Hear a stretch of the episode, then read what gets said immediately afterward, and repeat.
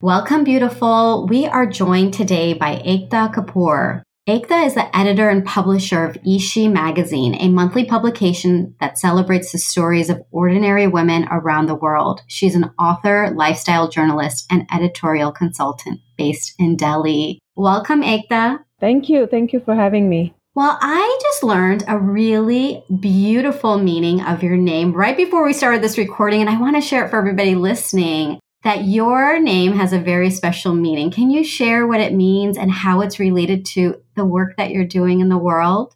Yeah. So Ekta means oneness. Ek is one. And Ekta is, you know, it's commonly used in India as unity. It's used in the national, you know, when people talk about patriotism and national unity. So Ekta is thrown about a lot in such speeches by politicians. But the true meaning is oneness. And for me, I think I learned the meaning of my name when I turned 30 and I, you know, started off on a new path in my life at that point. And I think since from then till now, it has been about discovering the oneness of self and environment and the oneness of you know everybody. We, we're all one actually. We just don't see that. And i think as uh, we grow older or we go further on our path you know the facades they start falling. And you realize that everything that happens is for a reason and everyone who comes in your life is for a reason. And when that happens that's when i feel that i'm finally discovering the meaning of my name. Mm. and why was it at 30 that you started to realize the meaning well, for me, 30 was a turning point in my life.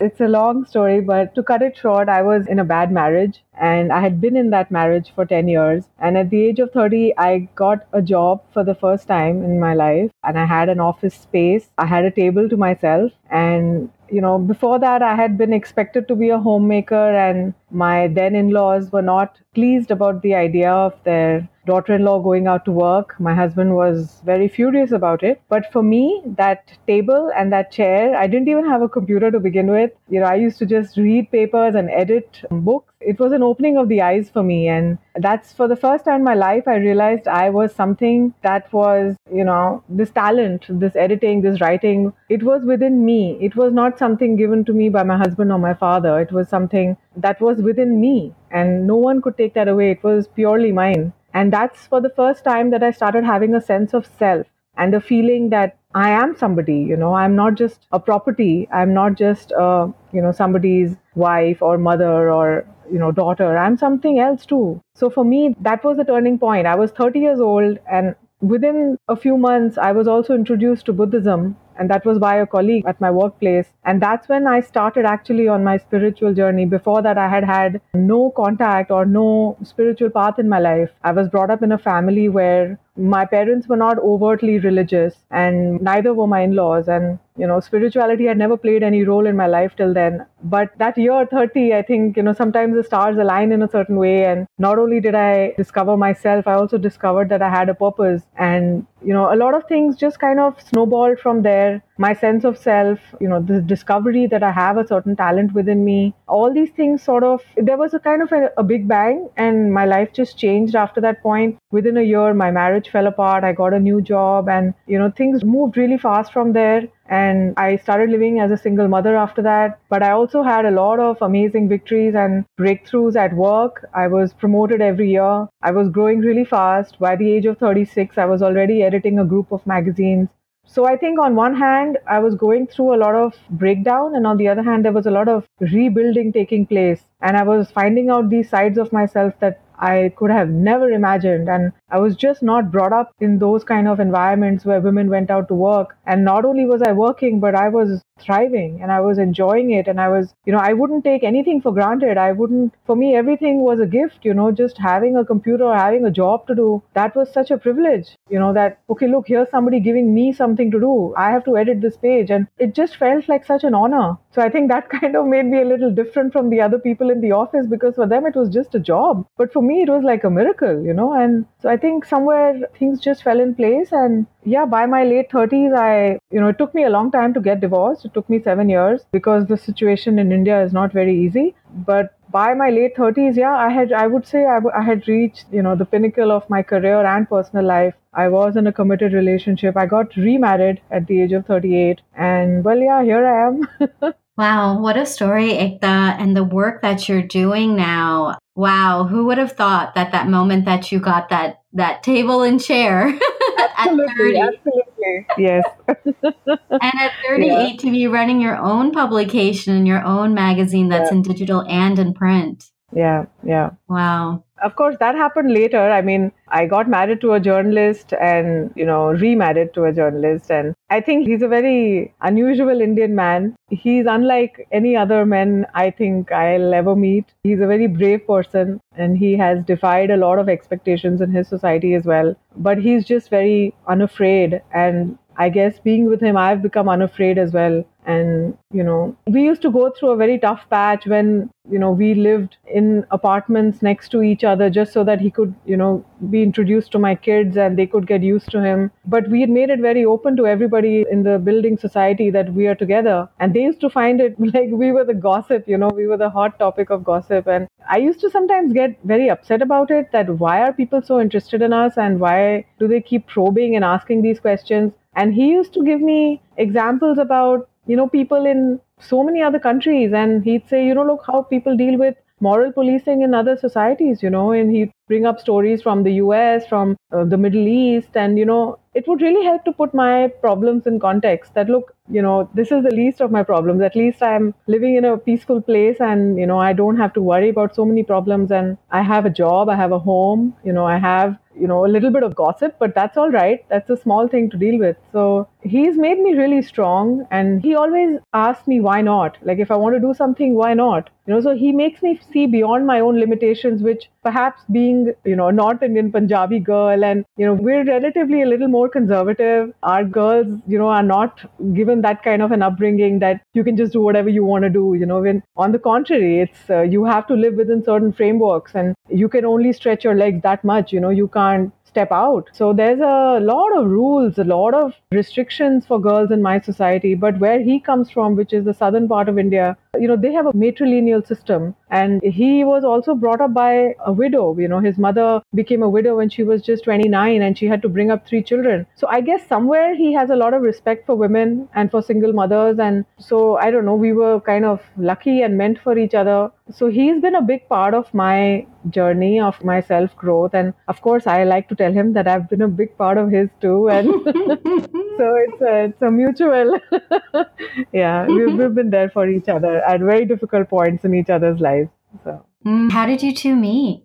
We met over my blog. So I used to have an anonymous blog many, many years ago, but because of maybe the way I wrote and I was very frank about my problems because it was anonymous, so I could share my problems as a woman in a very bad marriage and an abusive marriage. And I used to share my problems on the blog. I used to talk about parenting and, you know, trying to, whatever, being a woman who couldn't really speak. And I used to have a lot of readers. He was just one of those readers, and I didn't know his name or anything. He was just one of the readers on the blog. And then one day he suggested, you know, you write very well. Why don't you, you know, join the media? And I said, well, I don't know anybody in the media. And then, you know, he said he's he's from the media. And, you know, he's from a magazine. And then he introduced me to somebody who was launching a magazine in India. And, you know, I went and I met her and I gave a few rounds of interviews and she actually hired me. And everything was very mystical the way things happened because, you know, I had just left my husband and I was wondering at that point, how am I going to survive? Because I didn't have much of a salary and I had just left with, uh, you know, even very few clothes. I didn't have any belongings or anything. I'd just picked up my kids and left because if I had stayed, somebody would have, you know, it, things would have become really bad. So I didn't know what to do next. And then this job happened, and it was not just any job. It happened to be Marie Claire, and it happened to be that they were launching wow. their India edition. And I didn't even know that when I had applied. I just knew it's a women's magazine, and that's all I wanted to do. And I just joined them. And that period was really the most amazing period of my life. Those I worked there for about five and a half years and it was a tremendous experience. I got to travel around the world and, you know, here's this woman who was five years ago, you know, too afraid even to step out of her home and, you know, take a cab because that was my upbringing. I was brought up to be very docile and very limited in my horizon, you know. And here I was, I was traveling alone in Canada, in London, in Kenya, and you know, everywhere. And it was just amazing. It, those five years were just such an amazing period of my life. And that's the time also when I got to know my, you know, now husband a little better. And he moved to Delhi for my sake, you know, and then I broke up with him. And and then we got back together after a year and a half, after I, both of us went through a lot of soul searching and a lot of grief and loneliness. And then we got back together again. And I think the second time around, it was, we don't take each other for granted now. So yeah, that's how it was. And then after that, I went on to other publications and I've been in the industry now for a long time. It's been almost 14 years that I've been in the workforce, so to speak. Wow. Your story is so incredible to listen to because you have just gone from one complete extreme almost to the other. I don't like using the word extreme because it makes it sound like extremist, but to go from, yeah. like you said, being docile, being raised in India in a way that you were meant to be at home and you were just going from your house that you were raised in to your husband's house. Yes and becoming a part of his family and just being at home. And then now, like you said, not only are you, you travel the world and you were writing and you had a job, now you have your own publication. You have your own life to also completely yeah. defy the odds of what is expected in India, getting divorced, being a single mother, then getting yeah. remarried to somebody that yeah. clearly it sounds like a whirlwind whirlwind romance filled with lots of different things, but clearly for others the gossip of the town. So it's so fascinating to listen to your story and see that no matter where a woman is around the world, that this search for yourself, this yeah. search for being everything you're meant to be, it really doesn't know any boundaries and it doesn't matter where you started. And interestingly, I didn't even start my journey in India because I was brought up in the Middle East. I was brought up in Dubai. Mm. But as uh, you know, Indian parents, uh, both of them were from. So both my parents' side of the families were from Lahore, which is now in Pakistan. But that time it was, of course, United India, and they had to migrate to India during independence. And of course, later they got married to each other. They moved to Dubai. I was brought up there. But Dubai itself was a very conservative country at that time. There wasn't anything to see it's not how it is now you know there were it was just a desert. And i remember the first malls coming up and the first shopping centers that came up. We used to be so impressed and you know but now of course it's like a glass city and it's so luxurious and it's a world class city now. But yeah we were brought up in a very traditional way. You know the arabs were traditional the indians were traditional and women had a certain role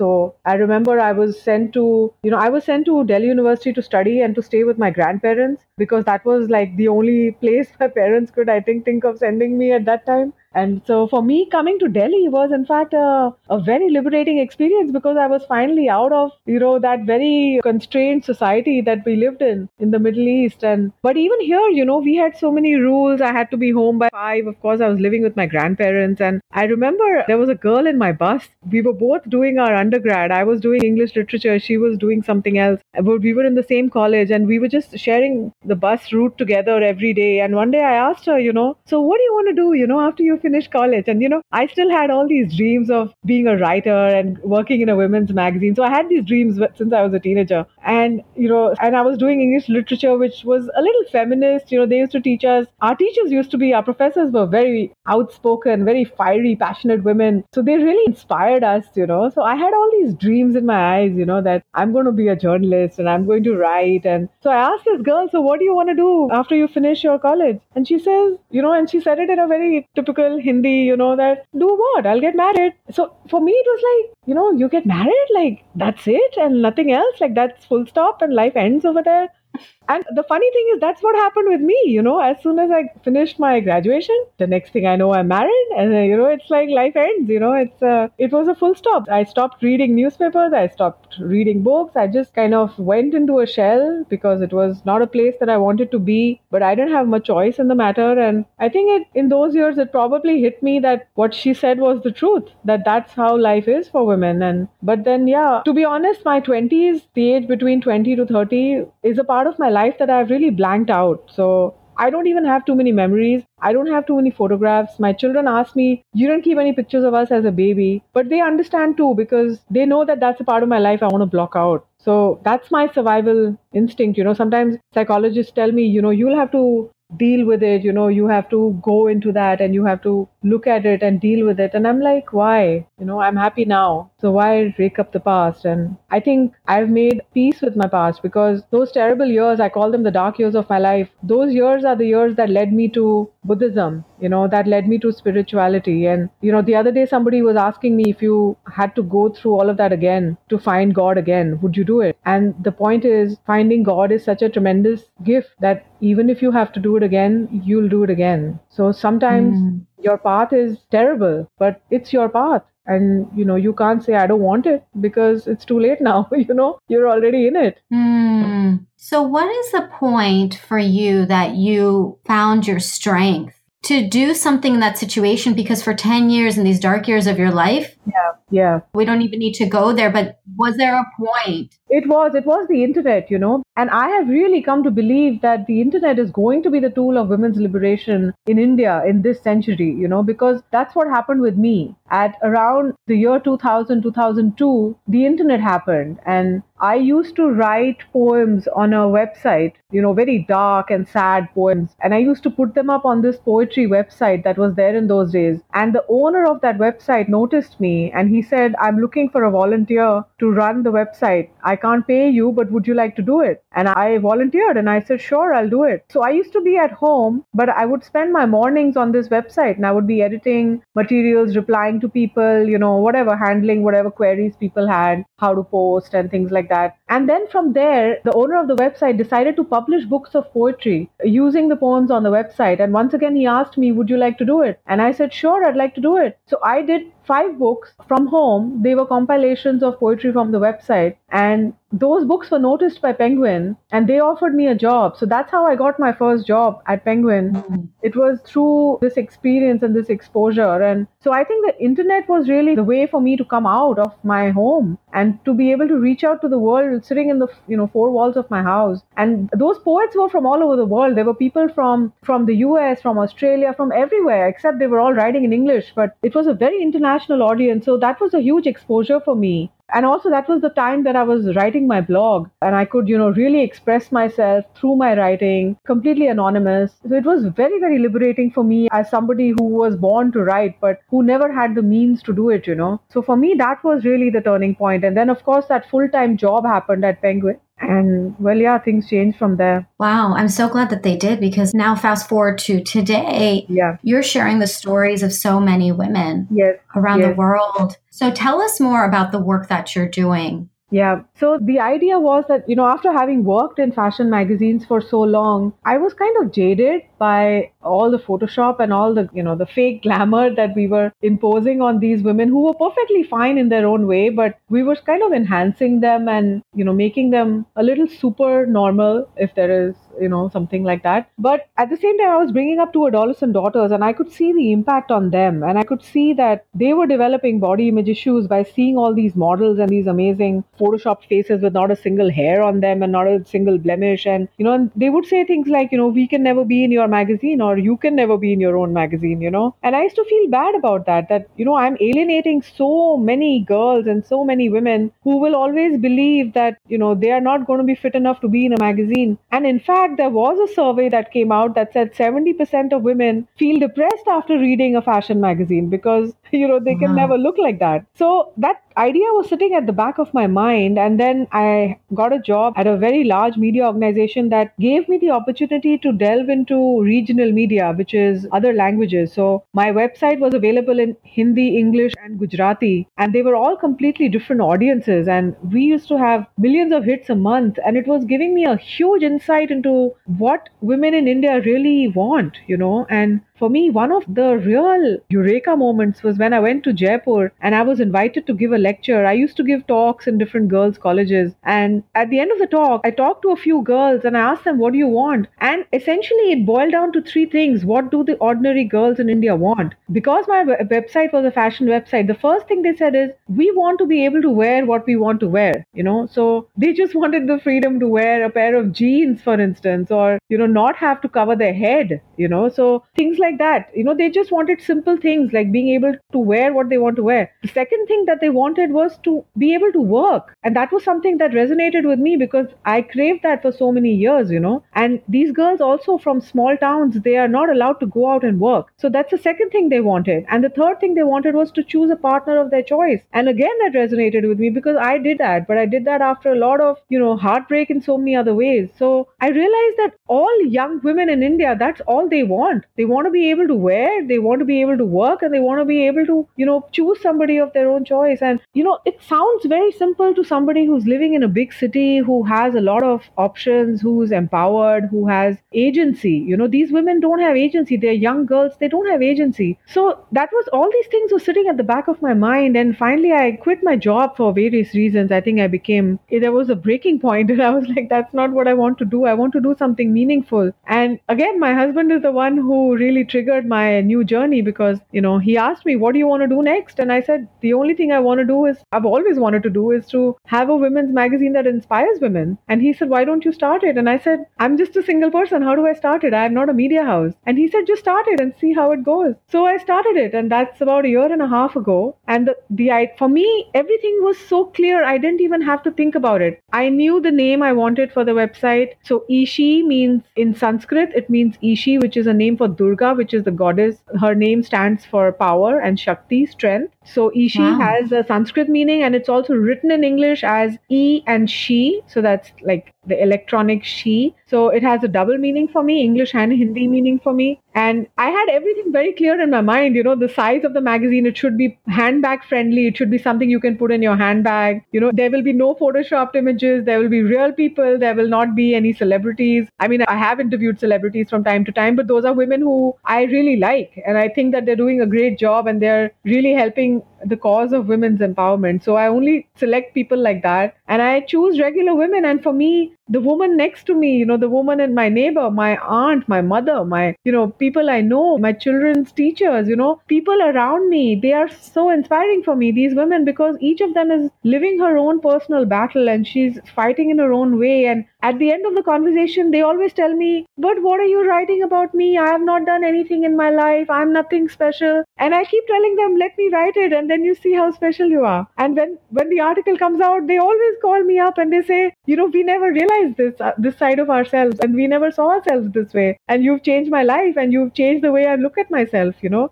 So it almost happens every month, you know. I feature a few people and they call me back and they're like, You know, what have you done? You know, you've changed so many things and changed in the sense in their life because now they're seeing themselves in a different way and they're realizing that they're worthy too and they're realizing that their stories are worth sharing. And it you know it's the same women who will tell me that what is there in my life? You know, what do you want to share? There's nothing to say. I've not done anything. I'm a housewife, you know. They say these things, but when they see it in, on the print and when they see it on the website, they're like shocked because they're like, this is the truth. It's an empowering kind of truth, you know, and it makes them feel that, yeah, there's something in them that's worth sharing. So for me, that was the idea, you know, touching these individual women's lives to make them realize that they have a story worth sharing and to make other women who are reading it realize that they have a story inside themselves too and I think one of the greatest mm. issues that Indian women face is low self esteem because that's how we're brought up. We're brought up to be the last person who gets to eat in the house, the last person whose choices are considered, you know, when it comes to any kind of household decision. Pregnant women who should be the first ones to eat are actually the last ones to eat in most families because they will be younger and there will be much older women in the house. So the pregnant woman, in fact, is the one who gets the least to eat in most middle class and lower middle class families. So I think the problem of finding their own identity identity is something that Indian women need to go through I would say women from the subcontinent. There's a whole lot of collective consciousness, a lot of baggage in our society, and it's the women who bear the brunt of it. And so, what I want to change is I want to change them from within. I want to change the world one woman at a time, you know. I want to make each woman realize how worthy she is. And when she realizes how worthy she is, there's a light that goes on inside her and then she stops taking bullshit from people and then you know slowly that light spreads out to her children and to her families and you know and then everybody wakes up to their own potential and to their own worthiness so i I want to start with one woman at a time. And interestingly, I'm not just starting with the women, but though I write about women, a lot of men read the, the, magazine and they are equally inspired. And our stories are syndicated to CNBC TV 18. And they're very happy to take stories of women from us because it kind of balances out. The Indian media is full of stories of men, you know. So it kind of balances out and brings a female voice as well. So that's what I've set out to do.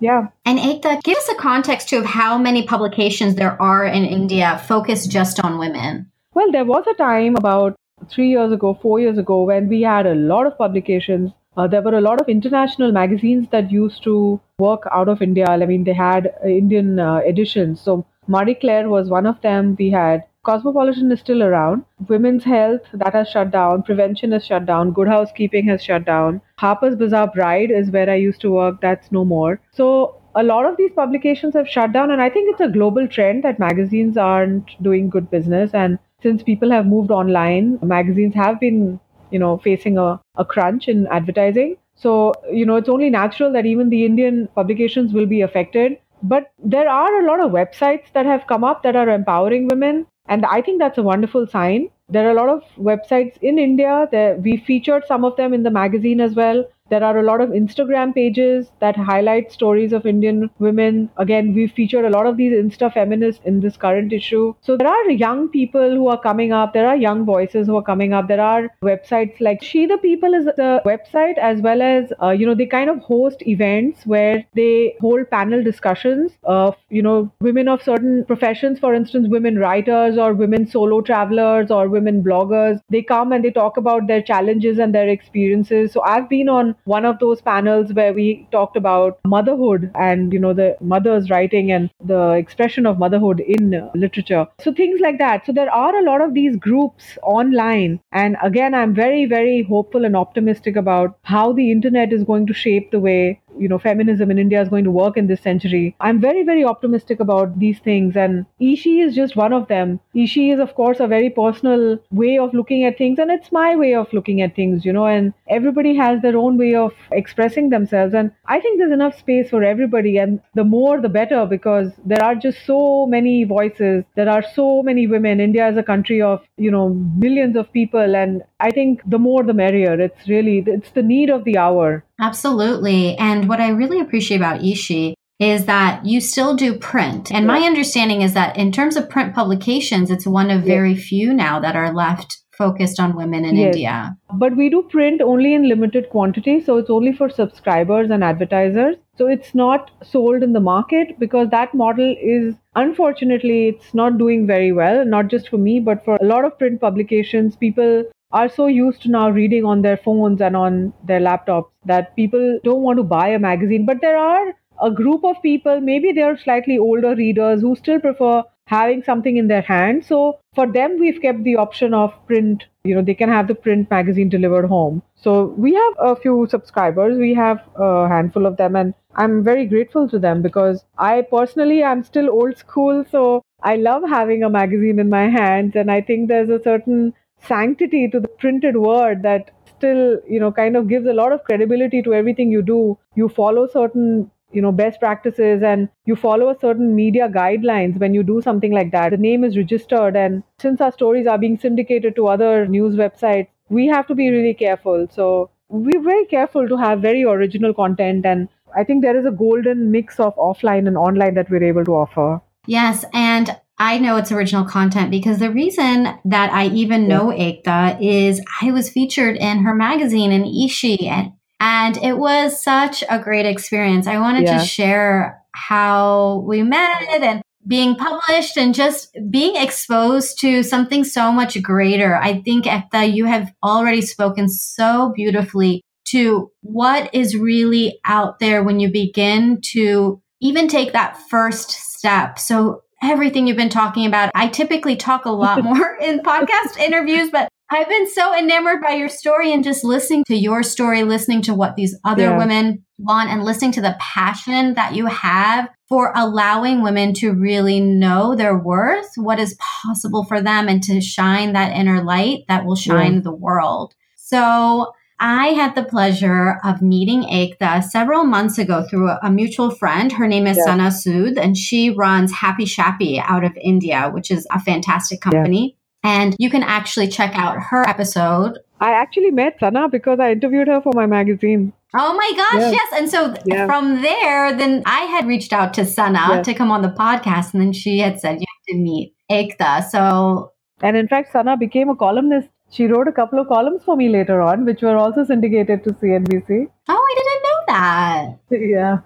so, Sana, if you want to listen to her episode, she is episode 19 on Feminine and Fulfilled. She has an amazing story, okay. too, of taking a big leap. So, Sana was how we met, Ekta and I met. And so it's really funny how quickly everything happened. And Ekta, I don't think you know this backstory, so I'll share it with you and, and our listeners too, that I had just started a leadership program that I was in. And I had just completed the first weekend and I just came back and I was feeling so alive because this leadership program is stepping all fully into your leadership. It's so much about worthiness. It's so much about your voice, all these different things. And so I came back and I was just mm-hmm. ready. I was raring to go. And not even just a few days after that, this connection happens and I meet you. And when we met, it was just a quick introduction. And then you had said, Hey, you know, ping, send me your WhatsApp number. And within, I think half an hour of the connection, you were like, okay, I'm featuring you. We talked a little bit and you, you said, I'm going to write this article. And I was like, yeah. okay, great. And yeah. so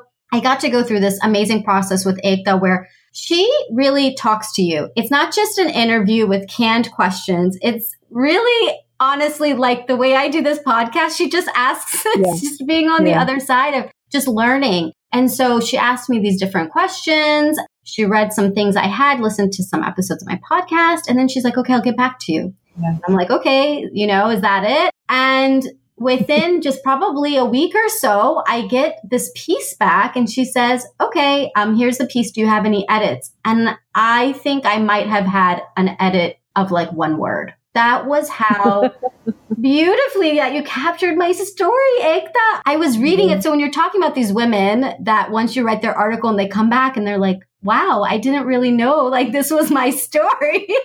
I felt the same way, the same story that maybe I had shared. I feel that you just weaved things in so beautifully. And as I read the article, I thought, wow, not only am I going to be published, but I'm going to be published internationally. And it was a really big deal. And so when the issue went out, I proudly shared it across the board with my tribe, yeah. with you know my friends, and it got a lot of traction. I mean, people were just sharing and sharing and yeah. sharing. And I think the proudest people of that article, which I was so surprised by, was my own mm. extended family. And mm-hmm. that meant a lot to me because I I am of Indian background. I mean, I was born and raised in the US, but you know, I'm very culturally yeah. Indian. I have a number of yeah. family members across the world, especially in India. And as I've started this path of really shining my own light and stepping out into the world, I've been so scared of judgment from my mm. extended family and mm. thinking that they're going to say, this isn't what an Indian woman does. What are you doing? You're going a little too far. I've had a lot of different fears. And in fact, this article, when it came out, all of my aunts just said, we are so proud of you, Shazia. I got calls from my cousin, private calls from cousins who said, thank you for being out there, for sharing your story. You inspire me. My aunts were giving their accolades. And to me, that meant the world because I'm from a lineage of very strong women, but strong women who still have their boundaries because of cultural limitations. So it ended up being something so much more than I could have expected. And so I want to thank you, Ekta, for creating this platform for women to share their story and for it to create this acceptance with others and for yeah. ourselves. Yeah. And your story was really shared a lot, even from our platform. And we also got a lot of very positive feedback and the kind of letters we got and the kind of feedback that I got from people who I knew, that story did really phenomenally well. It, it kept getting hits for many months after it went online. And I think it was a, an amazing, empowering story, Shazia. I'm so honored that you shared it with me. And I still read it with tears in my eyes. You know, sometimes it's a, it's a wonderful experience that you know I feel very privileged to be have been a part of it. Oh, thank you. Thank you for sharing it with the world. It's your publication that did it. And I'm really inspired. I keep up with your issues. I'm inspired by the women that you're continuing to bring and highlight. And it's very diverse. I love that you're bringing on all different kinds of women and what you shared about not being photoshopped and real women, regular women. Those are the yeah. stories that we need to hear. Those are the stories that I feel people are craving to hear. And it's time. And like you said, there's plenty of women, plenty of opportunities for all sorts of ways for these women to be seen and heard. But I love that eShe yeah. is a women's magazine who is allowing women, when you were talking earlier about the women in Jaipur and what they wanted, the three words that came to mind was wear, work, and wed. So it's, it's like yeah. the four W's women, wear, work, and wed. so true. I mean, much That's bigger than that yeah, yeah. yeah. So tell us, Ekta, about another story or a story that's really struck a chord yeah. for you. So, our number one story of all time in the last 15 months that I've been in business, it's a story about a single mother, and single in the sense uh, she's unwed, she never married, and she chose to have a biological child when she was in her 20s. And today she has 22 children, they're foster children, out of which two of them are, I mean, they're legally her own children. One is a biological child and 10 months of, now it's about a year. A year ago she adopted a little girl. Now this lady is a feminist you know and she's a an amazing person. She studied abroad. She studied in the us actually. She comes from a relatively privileged background from delhi educated family. You know her brother works in the corporate world. But she had this desire to uplift women in rural india so she began living in a village in her 20s and she used to, you know, tell these women, don't be so dependent on your husbands, you know, go out there and make your own living. But of course, she realized their limitations because they had to do all the work at home and they didn't have that kind of childcare or somebody to look after their. They used to have so many kids. And so she used to like really work with them and help them to make money sitting at home or teaching them little skills on how to, you know, fix motors and things like that.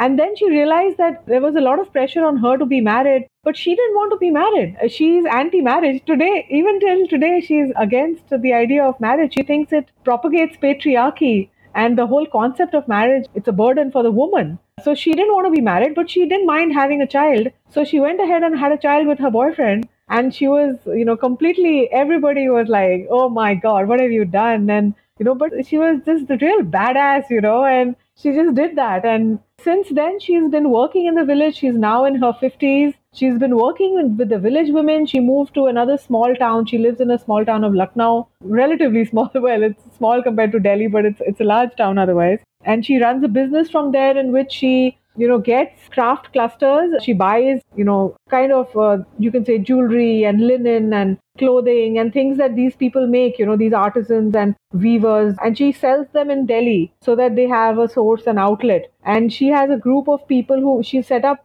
one NGO before and she set up another one now. And a year ago, she adopted a child and she has another partner now. And he's 24 years younger to her. He's an artist, he's a performing artist. And not only is he 24 years younger to her, he's from a different religion. So, you know, her whole family is like, oh my God, you're crazy. You know, you just want to do something that's completely, uh, you know, off the beaten track. But she's such an amazing personality. When you meet her, she has that glow on her face. She's just so chilled out. You know, nothing bothers her. She's cool about everything. And, you know, she's such an amazing person to know. This story was so shared and it was people were sharing it and it, it just went crazy and you know somehow when i was writing the story i wasn't sure how people would take it because it's an unconventional topic and the woman is having a child out of wedlock and all that and you know she has 22 kids now and you know 20 of them are her foster children i wasn't sure how people would take to the story but I don't know, the way it was written, or I'd written it in a kind of tongue in cheek way, it just did so well. It was syndicated, and it was a lot of people called me up, or one woman called me up to take her contact because she's writing a book and she wants to put her in the book. So a lot of other newspapers called me up to take her number because they wanted to interview her. So she said, "Oh, you know what? You made me famous." And I said, "Well, you know, it's your story, you know."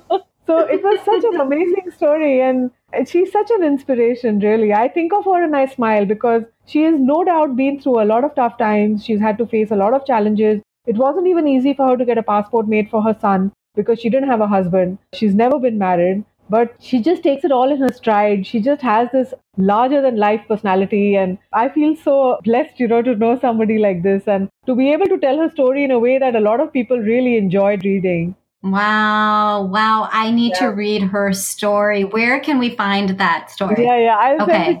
Yeah.